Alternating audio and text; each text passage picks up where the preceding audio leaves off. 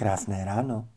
Dnes je 30. srpna a číslem pro dnešní den je 1. Celý jeden procentní bod přidali k minimálnímu růstu české ekonomiky investice uskutečněné od dubna do června. Nejvíc za 8 let. Bez nich by byl všeobecný propad HDP mnohem větší. Od včerejška konečně víme něco bližšího o tom, co konkrétního se dělo v druhém čtvrtletí letošního roku v české ekonomice. Doposud jsme už měsíc zhruba znali jen celkový výsledek, že totiž ekonomika oproti prvnímu kvartálu roku malilinko povyrostla tou nejmenší oficiálně vykazatelnou měrou 0,1%. U toho zůstává, což je malinko překvapení, protože při prvním zpřesňování prvních odhadů většinou k nějakému pohybu dochází, ať už nahoru nebo dolů. Co je ale od včerejška nového je, že víme, kdo za to může. Tedy, že známe vyníka toho, že rosteme, nebo chcete-li, že vlastně vůbec nerosteme. Už dva roky je jednoznačným hlavním vyníkem nerůstu spotřeba domácností. Méně toho kupujeme. Teď se na mě asi rozčilujete a zase si říkáte, jak odtažení od reality jako byť ekonom musím být, když tady něco plácám o klesající spotřebě. Přece kvůli všeobecnému zdražení na spotřebu vydáváme více. Ano, ale jakkoliv je to těžké období, tak bohužel to se nepočítá. Kdybychom počítali růst ekonomiky jen podle úrovně výdajů, tak jsme loni měli nejvyšší růst od konce komunismu. My se však inflací nenecháme ošálit. Naše výdaje na spotřebu byly sice vyšší, ale vzhledem k vyšším cenám měly být už dva roky ještě vyšší. Podle průvanu v našich peněženkách toho spotřebujeme víc, ale podle snězených vajíček, nových účesů a košil spotřebováváme méně až do včerejška. Včera jsme se poprvé od prosince 2021 odstli v situaci, kdy naše spotřeba nesnižuje, nýbrž zvyšuje růst celé ekonomiky. Byť ekonomicky zase tou nejmenší naměřitelnou měrou.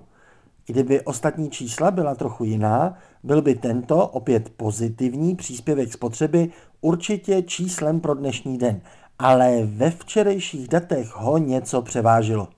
Ekonomika totiž není jen naše spotřeba.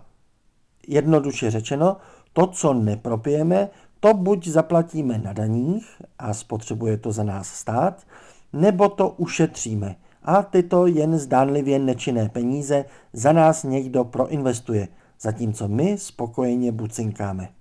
O příspěvek té první alternativy k celé ekonomice nemusíme mít strach. Stát svým mankem spotřebovává i to, co mu na daních neodevzdáme.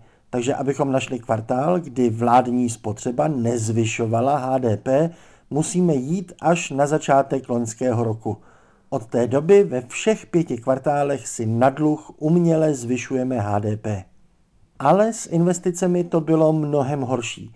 Jejich propad byl takový, že už dva kvartály smrskávali vykázaný objem ekonomiky. A to je pro investice obzvlášť velká potupa, protože jsou ze všeho utrácení to jediné, co může přinést dlouhodobé zlepšování našich životů. Tedy byla to potupa až do včerejška. Nyní oživlé investice přispěly k růstu HDP číslem pro dnešní den, jedním procentním bodem. A jen pro představu tohoto významu, Abychom našli podobně velký význam, museli bychom se vrátit o celých 8 let zpátky. Ale abychom to přesně pomenovali, toto makroekonomické počítání investic není prostým součtem toho, kolik investoři během kvartálu proinvestovali. To by se i špatně měřilo. Investiční celky jsou obří položky, kolik bychom z nich měli započítat do daného kvartálu – celou oznámenou investici a pak už po zbytek času nic? Nebo podle průběžných odchodů peněz z nějakého účtu? Ty bývají dost nezávislé na vlastním průběhu investice. Makroekonomové tu měří změny tzv. hrubého fixního kapitálu. Nové traktory, roboty, počítačové programy. Ne vojenské tanky, ty jsou vládní spotřeba. ne naše pračky, ty jsou soukromá spotřeba. Naměřit tohle všechno je ještě složitější než spotřebu, tak i proto to statistikum trvá dva měsíce všechno propočítat. Jedna vlaštovka samozřejmě jaro nedělá. Jedna studená fronta nedělá podzim a jeden kvartál oživlých investic zjevně nedělá obnovení růstu, zvlášť když z těch investic hodně šlo do zásob a skladů. Ale jestli hledáte pro další pošmourný den dobrou zprávu, berte tuto jako investici, aby vám bylo o něco lépe. Hezký den.